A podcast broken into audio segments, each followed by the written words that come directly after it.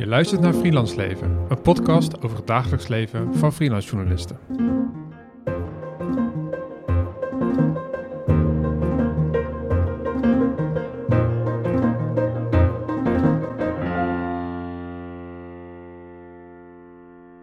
Leuk dat je luistert naar weer een nieuwe aflevering van Freelance Leven. Erwin en ik, Sanne Poot, zijn uh, vandaag afgereisd naar Utrecht. We zijn te gast bij uh, Sammy Peters. Of jij bent te gast in onze podcast. Fijn dat je ons uh, te woord wil staan. Ja. Kan je even heel kort uh, vertellen uh, wie je bent? Zeker. Ik ben uh, Sammy Peters, dus ik ben 7, nee, 28 ben ik. Ik um, heb een master journalistiek en media gedaan nadat ik een bachelor politicologie had gedaan. en momenteel ben ik werkzaam als onderzoeker bij de Algemene Rekenkamer. Heel interessant. Erwin, ja, jij hebt uh, weer een onderzoek uh, bij je. Dit keer niet gewoon een paper, maar echt een boek. Um, wat eigenlijk aansluit bij waarom we vandaag bij Sammy zijn. Kan je ons wat meer uitleggen over dat paper, wat je, ja, of het onderzoek? Ik wilde elke keer paper zeggen, omdat ik zo gewend ben dat we een paper behandelen. Um, ja, ja, ja um, nou ja, de oplettende luisteraar heeft al gehoord dat uh, Sammy is geen journalist. Hmm. En, dan, en dan kun je misschien jezelf de vraag stellen van wat doet een niet-journalist in een podcast over freelance journalisten? En het is alles te maken met uh, het boek wat ik deze keer heb meegenomen. En dat boek heet Journalists and Job Loss. En even voor de duidelijkheid, Sammy heeft nooit haar baan verloren als journalist. Dit boek is een aantal jaar geleden verschenen en is het resultaat van een heel groot onderzoeksproject naar hoe gaat het met journalisten die hun baan zijn verloren? Want het is natuurlijk geen geheim dat er heel veel ontslagen zijn geweest in de journalistieke wereld. Uh, dat is niet alleen in Nederland zo, maar dat is eigenlijk internationaal zo geweest. En er zijn allerlei onderzoekers die zijn vooral aan journalisten gaan vragen van... hoe voelt het nou dat je je baan kwijt bent? En waar gaan al die mensen heen die eerst als journalist werkten en toen iets anders zijn gaan doen? En ik sla hem even open, uh, want het uh, zijn echt... Het is echt een ongelofelijke, voor mij, ik, ik word hier enthousiast van, maar er zijn een ongelofelijke bron van informatie over hè, hoe mensen omgaan met het verlies van hun baan, maar ook wel met het verlies van hun journalistieke identiteit. En nou, er staan cases in uit Australië, uit Finland, ook uit Nederland uit uh, Indonesië. Dus het is een heel erg divers palet aan ervaringen van mensen die ooit als journalist werkten, hun baan kwijtraakten en toen iets anders zijn gaan doen. En ook moesten dealen met het feit dat ze ontslagen werden. Nou, de reden dat ik heel graag met jou wilde zitten, uh, Sammy, is um, omdat er een aantal trends uit het boek komen. Eén uh, is dat journalisten uh, die hun baan verloren het heel moeilijk vonden soms om een baan te verliezen, omdat ze heel erg een soort persoonlijke identificatie hadden met zichzelf als journalist. Dus als je dan je baan kwijtraakt, dan raak je ook een gedeelte van je identiteit kwijt. En dan raakten mensen soms in een soort identiteitscrisis. Maar een, andere, een ander gevoel, wat ook wel vaak in het boek terugkomt, is een gevoel van opluchting. Je ziet dat mensen dan in de journalistiek werkten, vaak heel lang onder hele hoge druk werkten. Ook omdat ze de druk voelden van ik ben een journalist, dus ik moet iets goeds doen voor de maatschappij. En uh, de democratie is afhankelijk van mijn werk. Ja, dat soort quotes staan allemaal in het boek. En op een gegeven moment daaruit konden stappen en merkten dat ze die hele die structurele druk, dat ze die niet meer voelden, omdat ze zich vrij voelden om iets anders te gaan doen. Dus aan de ene kant uh, was, er, was er opluchting, sommigen gingen als freelancers werken.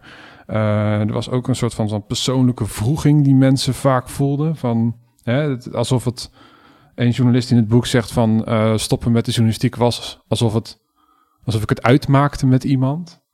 En daar toen weer mijn eigen zelf moest vinden.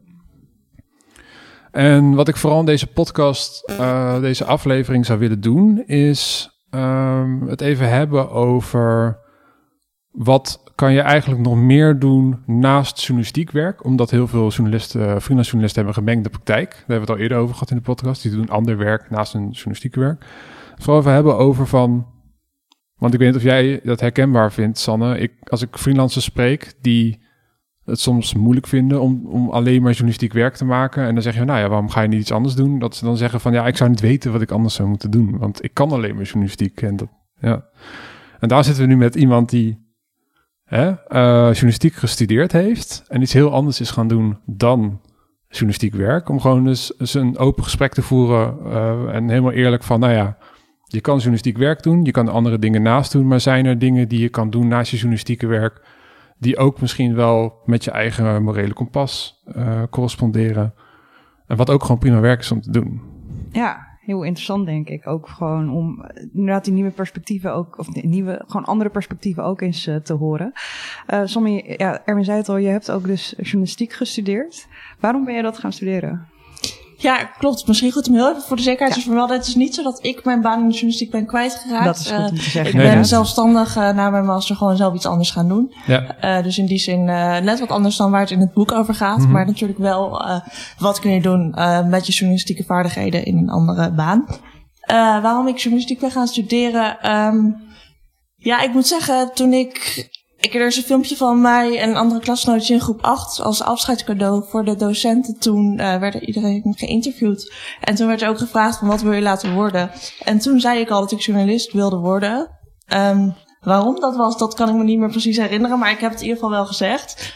Um, ik denk dat ik sowieso schrijven altijd heel leuk vond. Uh, en Niels ben ik ook al best wel jonge leeftijd gaan volgen. Um, ik ben uiteindelijk na mijn middelbare school politicologie gaan studeren. Omdat ik uh, vooral politiek heel interessant vond. Uh, als ik in Den Haag kwam op het Binnenhof, vond ik dat echt fantastisch. Dus toen dacht ik al heel snel, oké, daar wil ik werken. En um, met politicologie kan je gewoon heel veel kanten op die allemaal wel te maken hebben met wat er in de politiek gebeurt. Um, maar toen ik die bachelor ging doen, had ik al in mijn achterhoofd van dan wil ik daarna de master journalistiek doen. Want daarna wil ik gaan schrijven over wat ik daarvoor heb geleerd. Dat was eigenlijk altijd mijn idee. Um, ja, dus eigenlijk uh, op die manier dat ik uiteindelijk bij de master journalistiek en media uh, van UvA terecht ben gekomen. Ik moet zeggen, daarvoor heb ik ook nog een tijdje bij het NOS stage gelopen en ook als freelancer gewerkt. Dus dat had ik al gedaan en dat vond ik ook heel erg leuk. Uh, dus dat was toen wel een bevestiging om die master te gaan doen. Ja. En naast de NOS, waar heb je dan daarna nog meer gefreelanced? Um, nou, ik moet eerlijk zeggen, niet zoveel hoor. Echt bij de NOS heb ik dat gedaan. Uh, en um, toen vanuit de master ben ik uiteindelijk ook bij de Volkskrant uh, gekomen. Maar daar zullen we het zo over hebben, denk ik nog. Ja, ja, ja, we kunnen het daar meteen uh, wel even over hebben. Want hoe, hoe, het, heb je ook echt veel gefreelanced of ben je gelijk in dienst gegaan daarbij? Uh, je bedoelt, nee, ik ben, nee, ik heb niet zoveel gewerkt dus in de journalistiek. Ja. Um, ik heb dus um, bij de NOS heb ik stage gelopen, daarna als freelancer gewerkt en daarna heb ik vanuit de master bij de Volkskrant een tijdje gezeten en dat was een stage en daarna nog een aantal freelance opdrachten. Ja. ja.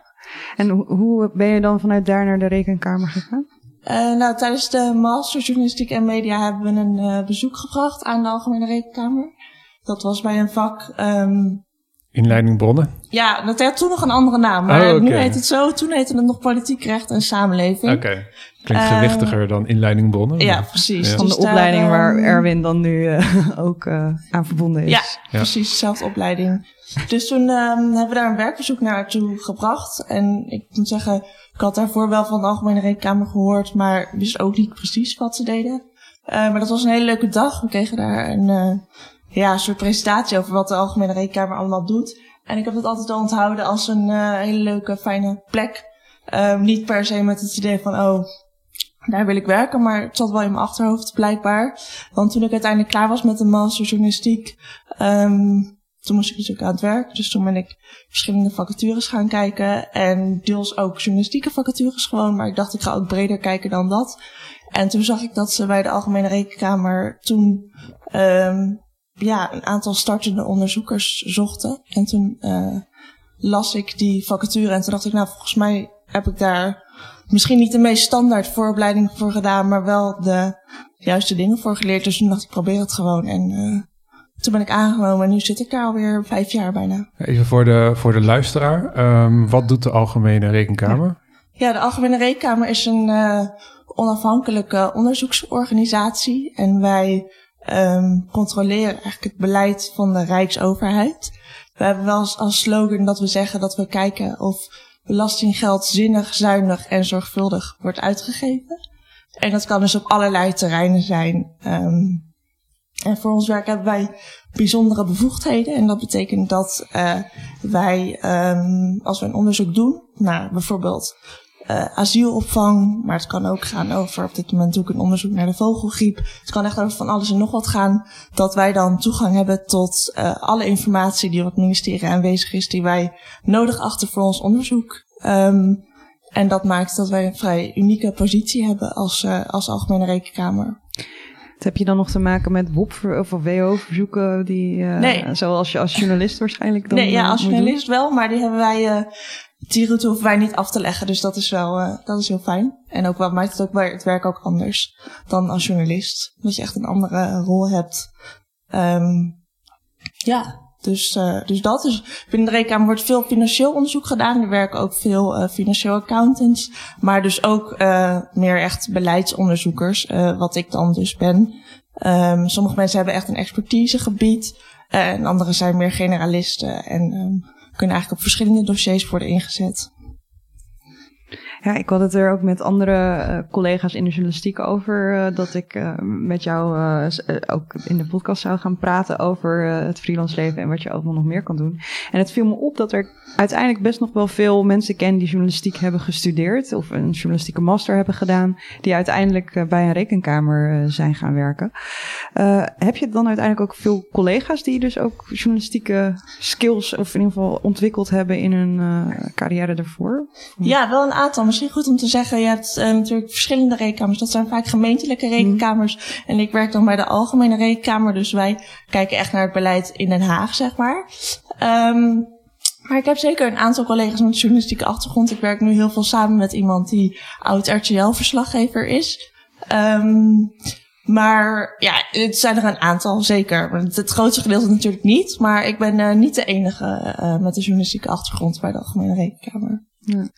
En uh, ik kan me voorstellen dat de, als je als ambtenaar werkt, dat je arbeidsomstandigheden ook wel verschillen met bijvoorbeeld het werken bij uh, een krant of een, uh, of een omroep. Zeker. Ja. Wat, wat zijn de grootste verschillen daarin? Um, ja, nou ja, ik moet zeggen, toen ik klaar was met die master, dacht ik ook, als ik wel de journalistiek nu inga, dan is de kans dat ik als freelancer aan de slag ga heel groot natuurlijk. Mm. En ik moet je zeggen, bent echt afgestudeerd in laagconjunctuur ook. Ja. In, in de journalistieke wereld. Dat, ja. Dus nu, nu krijgen we wel meer studenten, merk ik, werk, zeg maar, om het ja, zo te zeggen. Ja, dus overal krapte nu natuurlijk. Ja, ja precies. Nee, dus, um, en ja, goed, dat heeft natuurlijk ook heel veel voordelen. Maar um, ik was zelf wel op zoek naar iets meer vastigheid. En dat was ook wel een van de redenen waarom ik ook verder keek dan de journalistiek.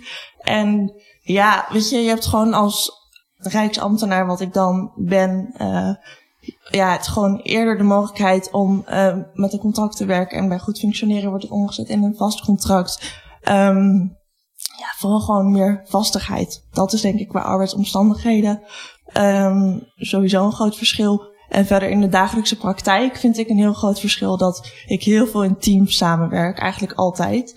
Uh, in de journalistiek werk je toch vrij vaak alleen. Heb je veel verantwoordelijkheid in je eentje en zit je ook gewoon veel alleen. Um, en in mijn werk nu zit je eigenlijk altijd met meerdere collega's ben je met één onderzoek bezig. Dus je deelt echt die verantwoordelijkheid, maar je deelt ook het plezier wat je hebt in het doen van je werk. En dat uh, is voor mij heel belangrijk. Ja, wat uit, die, uh, uit het boek ook wel naar voren komt, en dat, dat het is in meerdere hoofdstukken wordt dat genoemd, um, is dat mensen uh, stopten met werken als journalist, ergens anders gingen werken. En dan zeiden van, hey, ik voel me nu veel meer gewaardeerd in mijn werk. Ik krijg veel vaker te horen van, hey, goed gedaan. Of, weet je wel, zo veel meer, veel meer van, van oh, oh, ik doe iets goed of zo. Mm. En um, ja, dat, dat, dat was heel opvallend. Dat, dat, Ja. dat in allerlei studies dan naar voren komt. Dat, dat, er een, dat er in de journalistiek misschien toch een soort, soort individuele-achtige cultuur is. Ja. En dat je gewoon je, hè, je maakt je artikel af. Ja. En dan hup door naar de volgende. Gewoon zo hup door. Ja, En veel zeker. minder die... Ja, en je hoort in de journalistiek natuurlijk eigenlijk altijd alleen commentaar van eindredactie over dingen die je moet verbeteren of die niet goed genoeg zijn. Ja. Eh, ik kan eh, vanuit mijn journalistieke werk hoor ik weinig over van wat er dan wel echt heel goed gaat. Tenzij je echt iets hebt wat viral gaat, dan hoor je het dan nog wel eventjes. Zou je dat vaker willen horen? Um, ik denk wel dat het helpt qua motiveren. Ik ben op dit moment ook naast mijn journalistieke werk uh, ook bezig uh, als uh, programmamaker bij een debatpodium. En ik heb daar een opdrachtgever de directeur van die instelling. En die is onwijs motiverend en complimenteus. En ik moet eerlijk zeggen dat het best wel een verademing is. Dat je gewoon af en toe inderdaad te horen krijgt van... hé, hey, wat tof dat je dit doet en fijn dat je erbij bent... en vind het leuk als je op kantoor komt werken. Nou ja, dat, dat ken ik eigenlijk gewoon helemaal niet uit de journalistiek. En ook dat het werktempo voor mijn gevoel een stuk realistischer inschattingen maakt qua hoeveel tijd uh, je uren kosten. Ik heb het idee dat binnen de journalistiek um, toch vaak wordt uh, dat het lager wordt ingeschat qua uren wat je kwijt bent aan werk. Omdat we, dus ik weet niet, het is toch een soort van van, van verwachting die journalisten van zichzelf hebben van een interview. Ja, dat doe ik even in een uurtje, een uurtje voorbereiding en dan tik ik het uit en daar krijg je dan voor betaald. Terwijl ik nu merk dat bij een, uh, ja, het is, het, is, het is eigenlijk gewoon een, een stichting waar ik dan voor werk. Uh, dat daar veel uh, meer tijd wordt genomen ook voor de voorbereiding. Als ik een, uh, iemand moet interviewen naar aanleiding van een boek, dan wordt er ook gewoon tijd gerekend voor het boek dat ik dan lees. Ja. Nou, dat mag ik dan ook declareren. En dat was echt zo, oké, okay, wauw.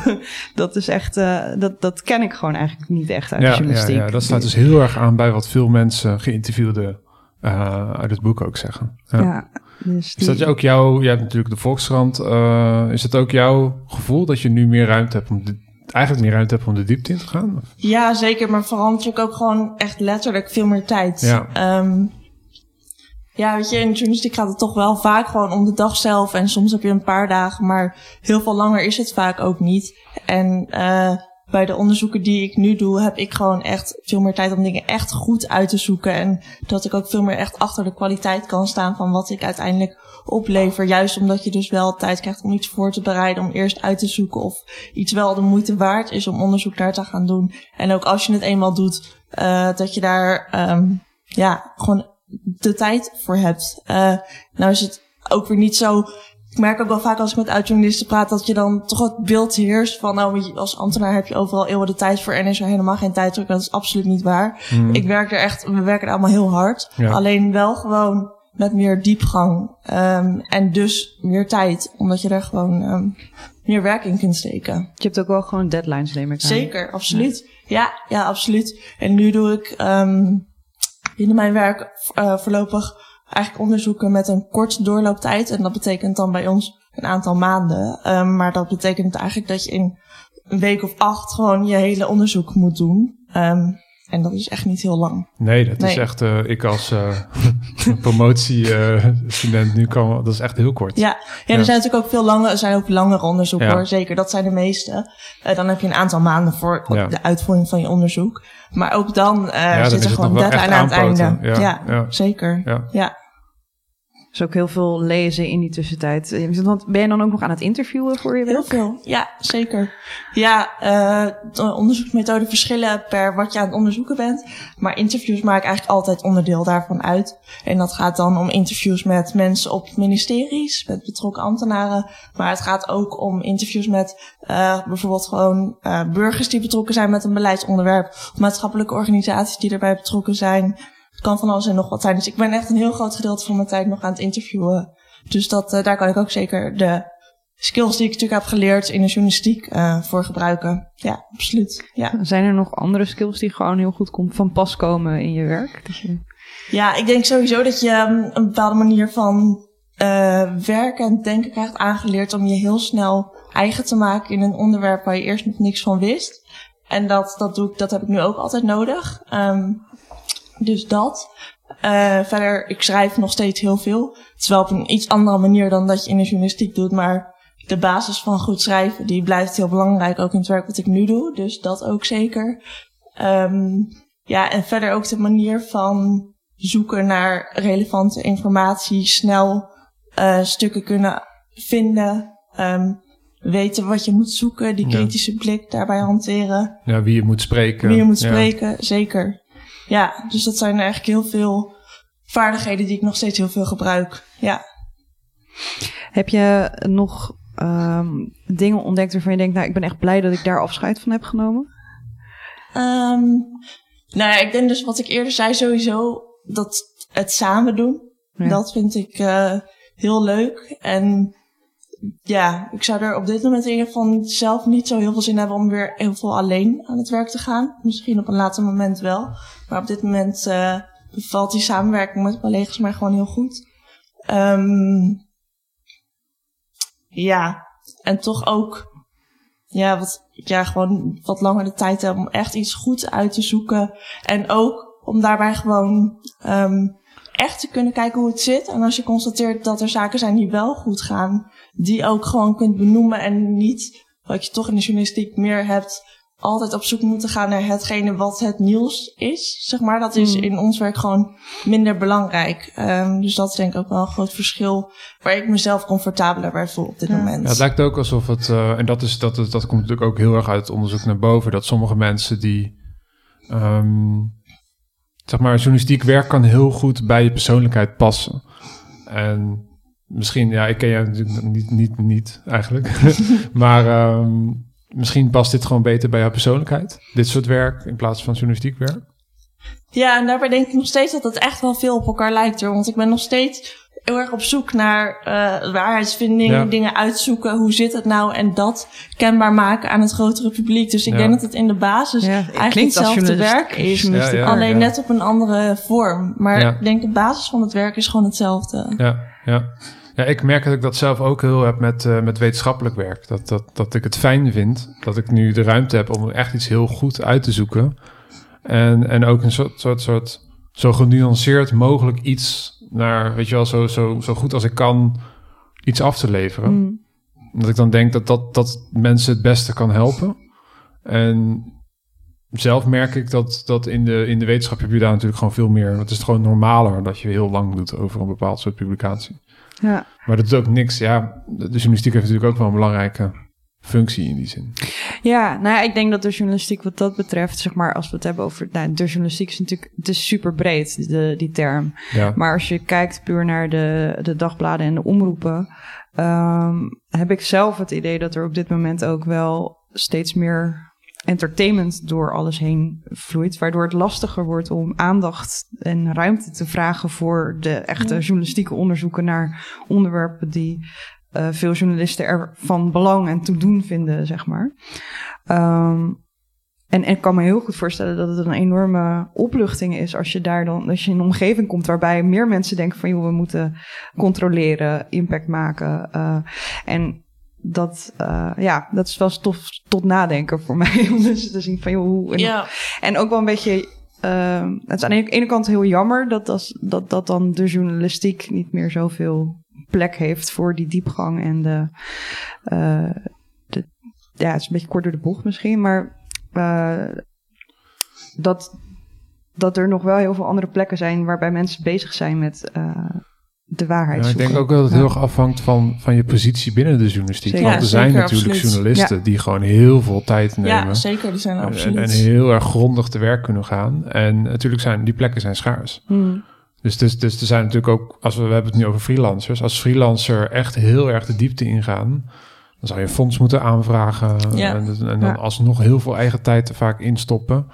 En dan, dan wordt het ook heel erg persoonlijk precair natuurlijk. Van als ik het echt goed wil doen, dan zijn de arbeidsomstandigheden waaronder ik dat doe, zijn het onderzoeken waard, zeg maar. dat is maar zo zeggen. Ja. En, en het klinkt alsof je bij de rekenkamer wel een soort van... Ja, dat, dat je en best wel goede arbeidsomstandigheden hebt. Dus kan ik niet inschatten, maar volgens, ik zie je knikken. Dus ik denk, uh, ja. En je kan de diepte ingaan. Zeker, ja. En wat ik ook denk ik heel goed vind aan wat wij doen, maar natuurlijk ook andere onderzoeksorganisaties, is ook uh, niet alleen maar kijken naar wat gebeurt er nu, wat, wat is er nu aan de hand, maar juist ook van wat is de geschiedenis daarachter en hoe is dat zo ontstaan.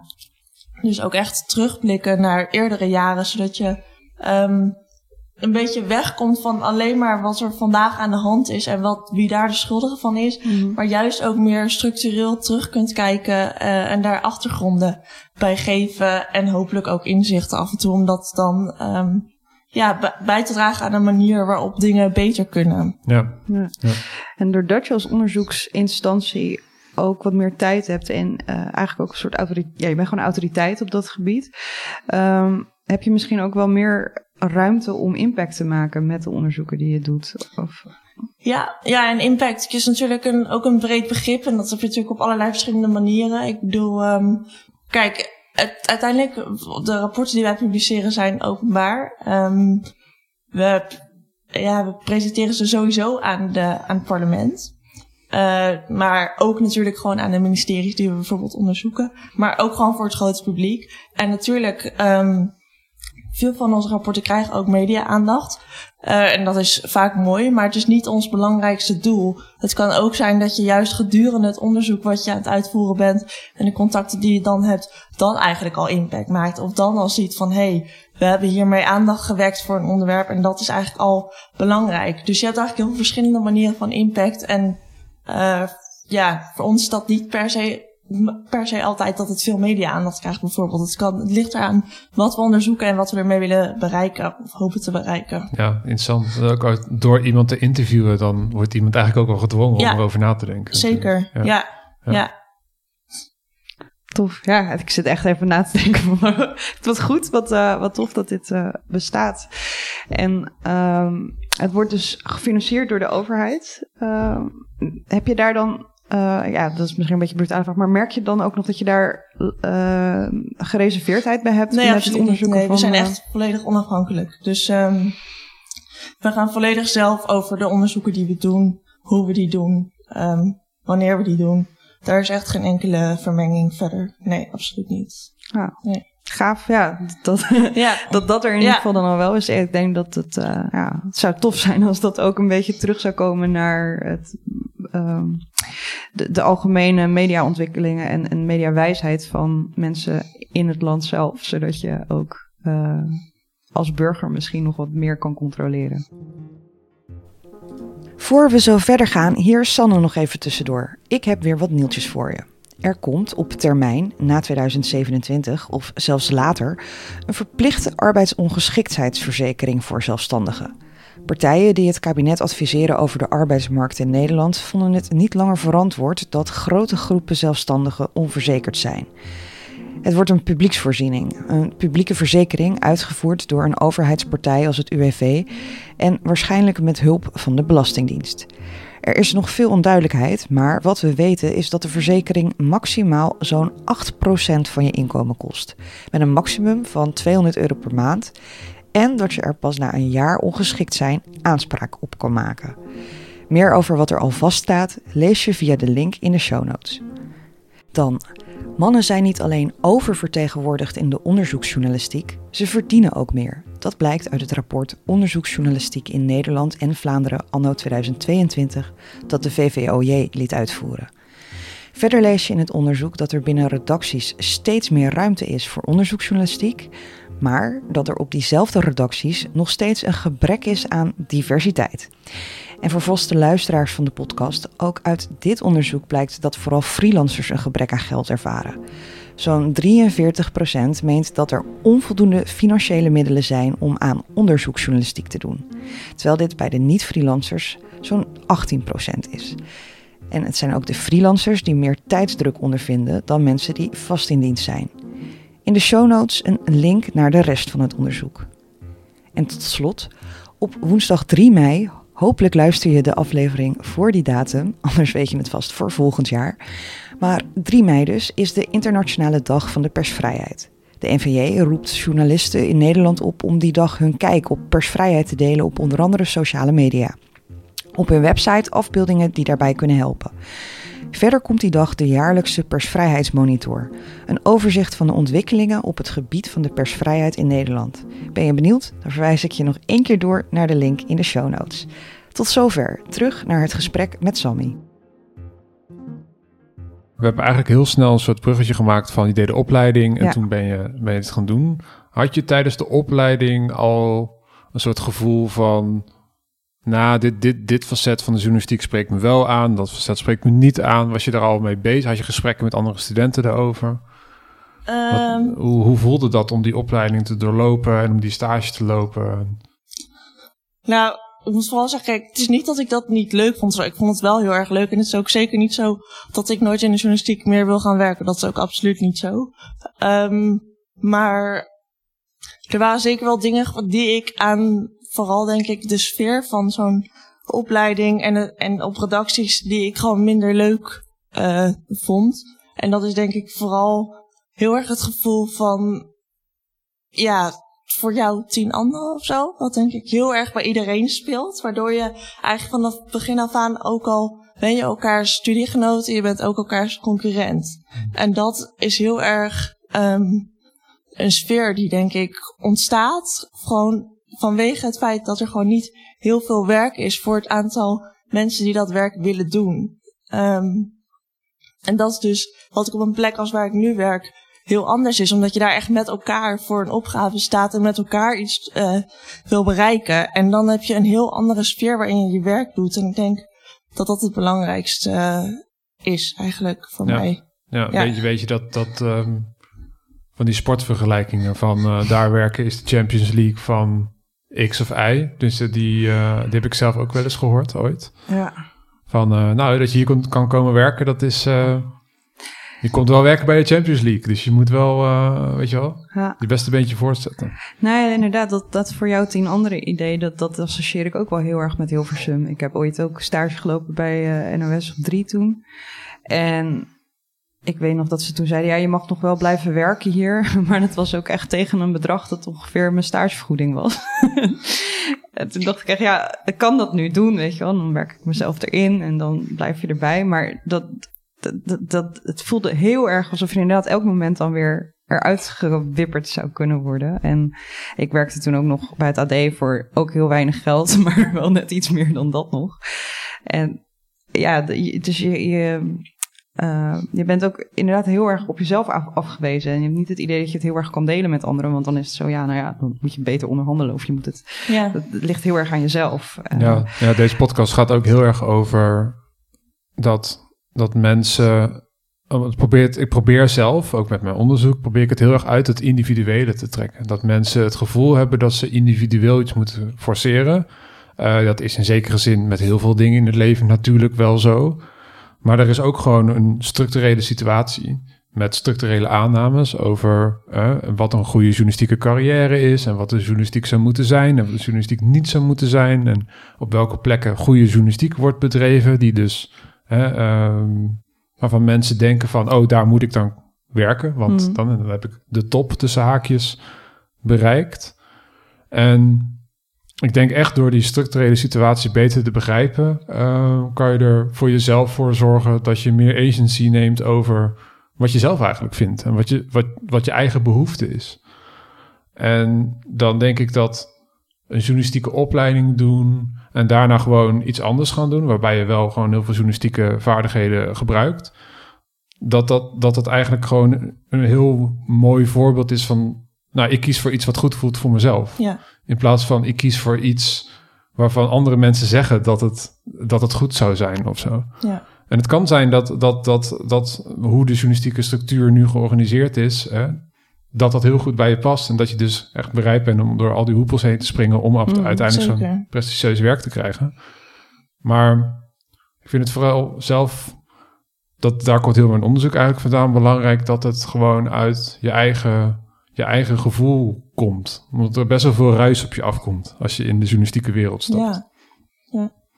Als dat logisch klinkt voor jullie hoor. Ik was een beetje op een, uh, op een ja, ja, even een, een denkoefening. Ja, dit is, dit is wel, uh, ja.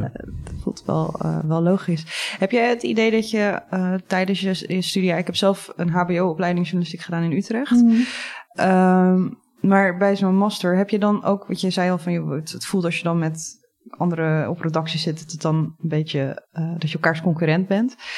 Heb je dat ook tijdens je studie zo ervaren met andere klasgenoten of zo? Ja. Ja, nou ja, misschien dat het, als je het op zo'n manier zegt, dat het iets te iets heftiger klinkt dan dat het mm is. Maar ik heb ook de bachelor politicologie gedaan en daar is de sfeer wel heel anders. Ja, dat wel. Um, en ik denk wel dat dat echt komt door, um, ja, waar we het eerder over hadden, gewoon ik weet niet, ik denk dat het ook, het is deels dat er gewoon weinig plekken zijn voor veel mensen, maar deels is het ook gewoon een sfeer die je met elkaar creëert. Een cultuur die je met elkaar in stand houdt. Ja, het is ook, denk ik, in de journalistiek is het heel erg gangbaar om op zoek te gaan naar scoops of onthullingen. En dat is iets heel anders dan op zoek te gaan naar gedegen informatie Zeker. om die te delen om andere mensen te helpen. Ja, Ja, dat is echt absoluut. Een, ja. Weet je wel? Dus, dus, dus het kan wel zo zijn dat als jij dat idee hebt van dat dat journalistiek is, dat je dan het gevoel hebt van ik moet, weet je wel, ik scoop dus ik besta of zo. Weet Ja. je wel? Dat, je, Mhm. dat je dat gevoel hebt. Ja, En als je dan andere mensen eh, de ene naar de andere onthulling ziet Ja. maken, dat je dan denkt van nou ik doe het niet goed, want ik heb geen scoops. Ja, dat, ik kan me wel voorstellen dat dat gevoel kan heersen onder journalisten. Ja, ja, je wordt ook gefeliciteerd met scoops en zo. Hè? Dat, terwijl eigenlijk een gedegen onderzoek en een langere, op een langere termijn een onderwerp volgen, eh, dat, dat wordt vaak minder gezien. Eh, alhoewel, als ik nu kijk naar de tegelnominaties dit jaar, zitten er nog wel wat dossiers tussen van mensen die ook echt, weet je langlopende dossiers hebben gemaakt. Ja, Dus ja dat ik denk is ook wel dat, eh, dat, dat op een gegeven moment dat op journalistieke redacties het allebei bestaat en Mm. het allebei wel gewaardeerd wordt hoor. Het is meer van als je net de journalistiek instapt, dan, dan, dan nou, waar haal je je inspiratie vandaan? Dat kan toch wel ook uit films zijn of zo, of uit een bepaald soort idee wat journalistiek is. En dan is het toch wel vaak, eh, weet je wel, eh, keeping power to account en eh, Watergate-schandaal en eh, onthullingen en, en dat soort dingen. ja, ja, ja. Terwijl journalistiek is natuurlijk veel rijker, veel meer dan, dan alleen maar onthullingen. zeker. Want wat is jouw definitie van journalistiek? Ik vind het ook wel interessant. Ik moet daar zelf ook even over Oh, nadenken. nou. ik weet niet of ik daar een antwoord op heb hoor. Ehm, moet ik even nadenken. Ja, dat mag. Ik zit er ook even over na te denken. Nou, ik denk uiteindelijk toch. Ik weet niet, ik, definitie heb ik niet. Maar wat in ieder geval denk ik een belangrijk aspect daarvan is, is toch ehm, informatie die vaak ingewikkeld is of moeilijk te vinden of moeilijk te begrijpen. Of om wat voor reden dan ook ingewikkeld is, op zo'n manier vertalen dat een groter publiek ehm, dat meekrijgt. Of dat zich daarin in kan, daar iets over kan lezen of daar iets over Ja. kan zien. ehm, Toegang tot krijgt, Toegang ja. tot krijgt, ja. Ja. ja. Dat Ja, ja denk ik dus ik, denk, het is, ik denk ook dat het, dat het heel belangrijk is. Dat merk ik voor mezelf ook om het, het belang van journalistiek. Dat, dat, dat is voor mij heel evident. Hè, want het informeert mensen. eh, ik hoop dat het ervoor zorgt dat mensen verstandigere keuzes kunnen maken in hun eigen leven. Om dat heel erg te scheiden van hoe de organisatie van werk in de journalistiek geregeld is. Want eh, we hadden het ook in de auto hier naartoe al over, eh, Sanne. Van, van er, zijn heel groot, er zijn journalisten die maken prachtige journalistiek. Die impact maakt, die belangrijk is, die gedegen is, die genuanceerd is. Maar tegelijkertijd zelf in een hele precaire situatie zitten, onzeker zijn over een, Mm. hè, over een eh, volgende salaris. En ook niet weten waar hun carrière precies heen gaat. En ik denk dat het heel belangrijk is om die twee discussies een beetje te, te scheiden. Om het echt Ja. te hebben over van hoe voelt het nou om als journalist te werken binnen die precaire omstandigheden. En daar hoort dus ook bij waardering voor je werk. Hm. En als in de, in, de, in, de, in de structuur van de journalistiek zit dat het gewoon dat je gewoon moet leveren en dat je eigenlijk alleen maar iets te horen krijgt als het niet oké is. Ja, dat doet natuurlijk wel iets met je. Ja. Dus eh, dat, dat, dat zeg ik nu even niet, niet onderbouwd door allerlei onderzoek of zo, maar dat zou met mij wel wat doen. Iedereen Dat af- heeft denk ik ook wel wat gedaan als ik be- jouw beweegredenen van eerder van waarom je je PhD bent gaan doen. eh, dan ligt dat volgens mij daar ook wel een beetje in. Die, die waardering Ja, het was, het was op een gegeven moment van dan heb je heel hard ergens aan gewerkt en dan, weet je wel, dan, dan heb je echt je best gedaan om iets, iets te maken wat zo goed mogelijk is binnen de mogelijkheden die je zelf hebt. En dan leef je het in en dan komt het ergens. En de dag daarna is het, is het, is het goedemorgen, weet je wel, en dan gaan we weer door. En dat, dat, voelt, dat voelt een beetje raar of zo. Maar volgens mij is dat wel in de hele creatieve industrie zo. Dat je een of andere heel hard werkt aan een film of zo. En dan komt die film uit. En dan is er even een soort van, de film is uit. En dan daarna is het, Mm. oké, wanneer komt je volgende film? Zeg maar. Ja, ja, dat gevoel. Ja, blijven produceren heel de tijd. En eigenlijk, nou ja, het, het ontbreken aan reflectie en reflectieplekken, eh, dat, dat, dat blijft denk ik eh, Ja, dat is heel erg uh, binnen heel de creatieve industrie. duidelijk, ja, nou, duidelijk binnen de journalistiek dat er heel Ja. weinig tijd ook is. Door al die deadlines om echt te reflecteren op wat zijn we aan het doen. Is iedereen tevreden? Ja, gaat het goed? Is daar binnen de rekenkamer, hebben jullie daar wel eh, ruimte ook om te kijken van hoe zo'n onderzoek dan landt en wat dat dan verder doet? Ja, ja zeker. Ja. Ehm, Ja, op, allerlei manieren uh, zijn daar sowieso vaste momenten voor ingebouwd. Maar het is ook omdat je gewoon op dezelfde plek blijft met dezelfde mensen. Um, gaat het ook heel natuurlijk dat je daar nog langere tijd mee bezig bent. En um, dan gaat het deels inhoudelijk over je impact. Dus dat je met elkaar ook echt gaat volgen van oké, wat gebeurt er met dit onderzoek. En dan niet alleen maar de dag daarna heeft het in de krant gestaan of niet. Maar vooral ook zien we dat in de maanden daarna bijvoorbeeld terugkomen in een debat of in kamerbrieven of in aankondigingen van nieuw beleid of whatever, zeg maar. Um, en ook als je het hebt niet over de inhoud, maar gewoon over hoe een onderzoek ging. Dat er gewoon veel aandacht is voor evaluaties en voor ontwikkeling van, uh, van mensen, persoonlijke ontwikkeling. Um, en dat is denk ik ook wel leuk, juist omdat je um, in een vaste groep mensen werkt. En um, ja, hoe zeg je dat? Je kunt ook meer, je hebt meerdere rollen. Dus ik ben bijvoorbeeld onderzoeker, maar bij ons heeft bijvoorbeeld elk onderzoek heeft ook een projectleider. En op een gegeven moment leer je de skills aan om dan ook projectleider te worden van een onderzoek waarin je dus niet meer alleen met de inhoud bezig bent, maar ook juist leert om mensen aan te sturen en om een team vorm te geven. En voor dat soort um, uh, rollen of functies voor dat soort werk is denk ik op heel veel redacties ook niet heel veel ruimte. Uh, omdat het toch gewoon meer is. Oké, iemand maakt een stuk en er is een eindredacteur en die leest het. En daar houdt het vaak ook op. Dus ik wil niet zeggen dat het overal zo is, maar ik denk wel op veel redacties. Um, dus dat is iets wat ik ook wel heel leuk vind aan de plek waar ik nu werk. Um, dat er veel meer mogelijkheden zijn. Wat haal jij hieruit, Sanne, als je dit allemaal zo hoort? Um, nou ja, dat, het, uh, dat er dus wel andere opties zijn waar je dus nog steeds met je journalistieke vaardigheden kan gaan werken. En ik ben ook gelijk weer helemaal aan het. Uh, ik merk dat er van alles in mijn hoofd aan ja, het draaien gaan, is. Er gaan laadjes open. er ja. gaan laadjes open. Uh, en, en dat je, ja, dus dat, dat zet me wel weer even tot aan het denken. En ik moet er even, dat moet denk ik even landen. Uh, vooral ook omdat het iets is waar ik eigenlijk tot dat Erwin zei van joh, laten we ook eens gaan praten met iemand van, die werkt bij de rekenkamer, uh, niet echt aan gedacht had. Dat je, ja, want mijn uh, meest voor de hand liggende B-optie, zeg maar, uh, naast journalistiek is toch elke keer de communicatie.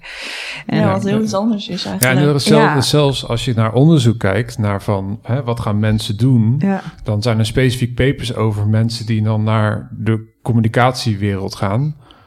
En ja, dan lees ik dat en dan, en, dan, en dan gaat het natuurlijk heel erg over naar, naar de dark side gaan. En, en ja, wel, dat, dat soort dingen. Terwijl bijna iedereen zegt van... Uh, nou ja, hè, ik doe communicatie over hele andere dingen dan waar ja. ik journalistiek over maak. En ja. ik moet toch de huur betalen. Weet je, allemaal van die, van die menselijke redenen om dat te doen. Dat zou ik nog even zeggen. Um, maar ik denk dat er gewoon nog zoveel meer is waarin je ook informatie nodig hebt en die moet structureren en, en moet interviewen. Hè, dat het ook op heel veel andere manieren heel nuttig kan zijn. En daarom was het eigenlijk, eigenlijk is deze podcast een beetje een soort, soort interventie, omdat we natuurlijk altijd gewoon hè, lekker in de journalistieke bubbel blijven. En dat is ook wel leuk om met iemand te praten die er gewoon wel aan heeft geproefd en toen gewoon iets anders is gaan doen. Ja, maar eigenlijk toch ook weer niet. Het is niet, ja. niet compleet anders. Het is eigenlijk veel, het is minder, uh, ik vind dit voor, voor mij veel, veel logischer dat je, zo, dat je nog steeds bezig bent met waarheidsvinding. Dat je nog steeds je, bezig bent met contact met mensen, met instituties onderzoeken. Uh, dat is eigenlijk veel logischer dan wat ik ook wel geprobeerd heb. Namelijk voor instellingen communicatie doen en dat je dan een of andere onzinnige boodschappen aan de man aan het brengen bent. Ja. Maar wat echt bij mij uh, weet je, dat, dat betaalde dan wel goed, maar dat, dat, dat ging voor de rest zo tegen alles in wat voor mij. Want je bent eigenlijk als communicatiepersoon, vind ik, um, vaak niet per se de waarheid aan het vertellen, maar je bent een heel erg leuk kleurtje aan het geven aan de, ja. de boodschap die je andere mensen wil geven. En dat voelt elke keer wel als, als, als, als, als een beetje smerig voor mij. dus ik kan me heel goed voorstellen dat dit soort opties uh, voor mensen die ook twijfelen van uh, wat kan ik er nou nog meer naast doen, dat die heel hoopvol kunnen klinken. Dat je nog steeds niet, ja, dat je niet hoeft te liegen. dat je mensen niet en voor, voor een luisteraar die nu met zijn oren aan het klappen ja. is. Hè, Ga rustig zitten als je dit aan het luisteren bent. We, we, hebben, we hebben gewoon een gesprek hè, over ja. de journalistiek. En, en, maar, um, nou, we hebben het nu over de rekenkamer gehad. Ken je ook andere, andere soort, er zijn ook lokale rekenkamers. Ken je ook andere soort organisaties die die dit als missie hebben. Gewoon uh, informatie verzamelen en daarmee proberen hè, mensen goed te informeren.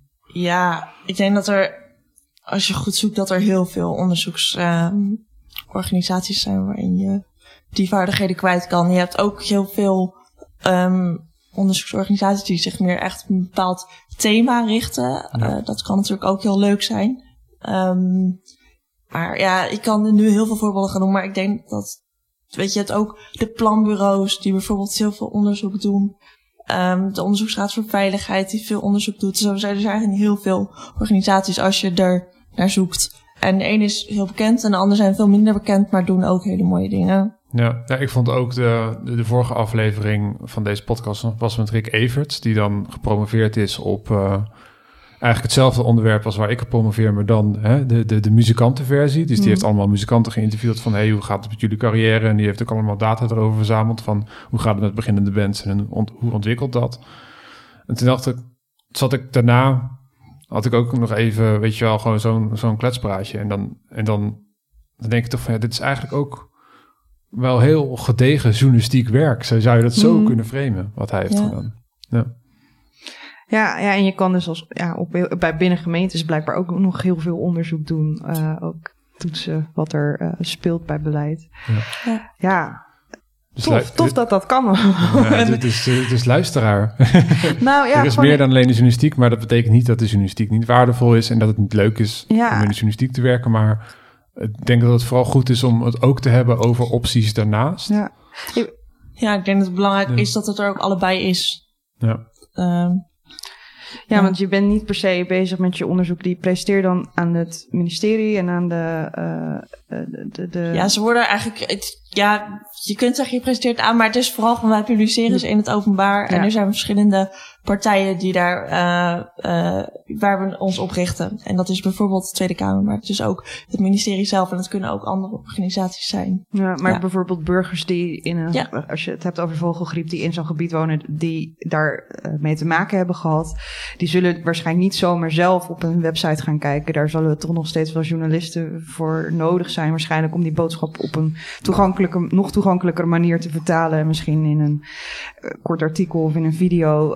waarbij ze dus ook nog kijken van hoe. Uh, weet je wel, wat, wat, wat voor impact heeft dat onderzoek dan weer bij de, uh, bij, de mensen die daar zelf in de buurt wonen? Uh, dat, dat gaat heel erg hand in hand. En dat is wel, dat, dat, dat zou ik, dat is heel mooi. Dat is fijn dat ja, Ik denk dat die vertaalslag is echt heel belangrijk. Want je kan echt niet aan, je kan aan mensen aan het ministerie wel vragen van, hey, lees dit onderzoek, want hè, het, is, het is van toepassing op jullie werk. Maar je kan aan iemand die gewoon niet in de journalistiek werkt of van een ministerie niet vragen van hey, lees even Sammy's uh, doorvrochte stuk van uh, weet ik veel hoeveel pagina's. Ja. En dat geldt ook voor wetenschap natuurlijk. Ja, ja. klopt. En het verschilt. Um, ik denk, wij proberen ons onderzoeken wel zo toegankelijk mogelijk te schrijven, maar dat betekent natuurlijk niet dat iedereen dat ook gaat lezen. Dus ik, me, bepaalde media-aandacht waarin een vertaalslag wordt gemaakt, kan heel nuttig zijn, absoluut. ja. ja. Ja, want zit er dan, ik weet dat er tegenwoordig ook binnen gemeentes veel meer aandacht is voor het schrijven op B1-niveau en uh, B2-niveau. Ik kan me voorstellen dat dat best lastig is als je nuanceringen aan wil brengen. Uh, ja, ja, ik weet wel, dus dat, dat is inderdaad wel een onderwerp van gesprek. We hebben recentelijk ook een onderzoek gepubliceerd op dat niveau.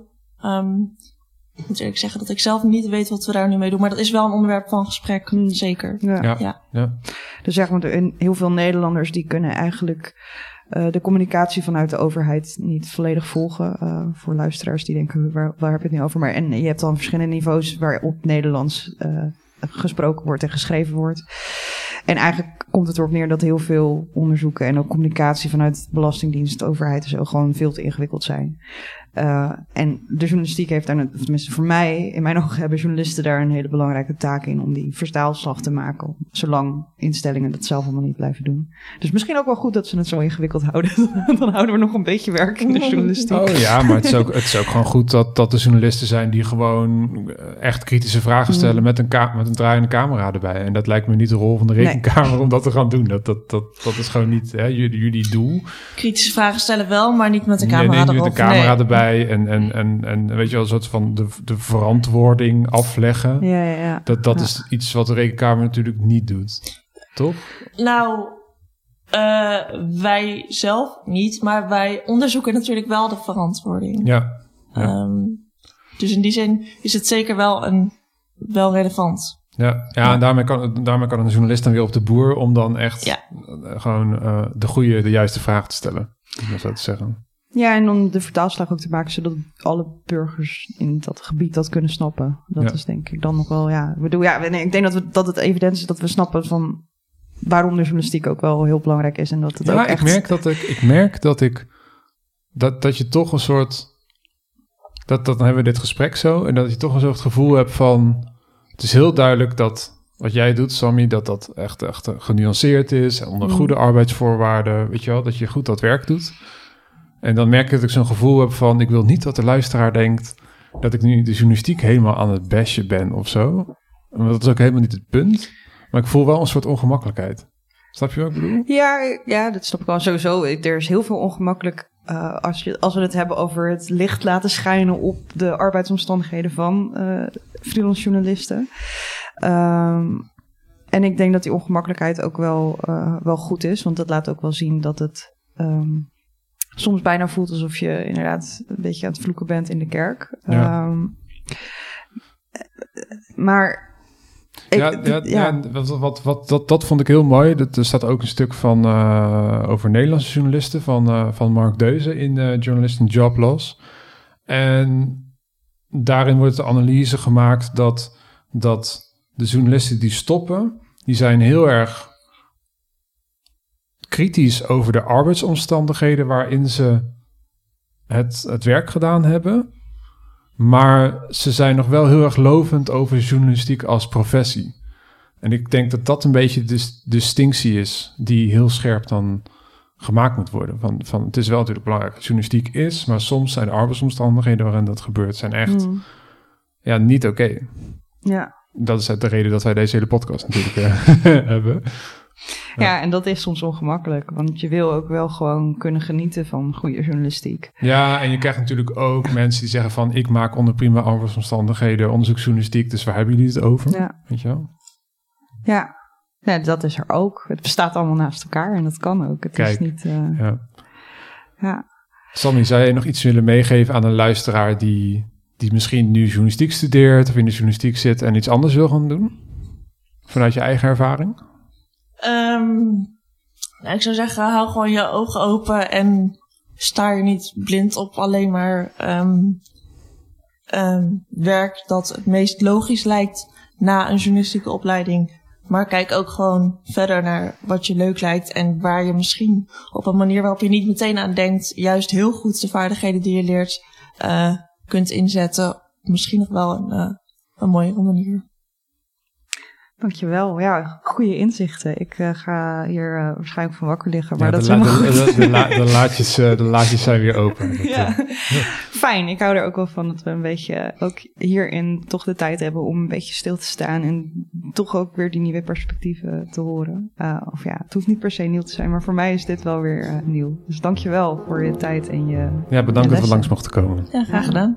Freelance Leven wordt mede mogelijk gemaakt door het Lira-fonds ReproRecht. Mijn promotieonderzoek, dat ten grondslag ligt aan deze podcast, wordt mogelijk gemaakt door Stichting Democratie en Media en het Stimuleringsfonds voor de Journalistiek.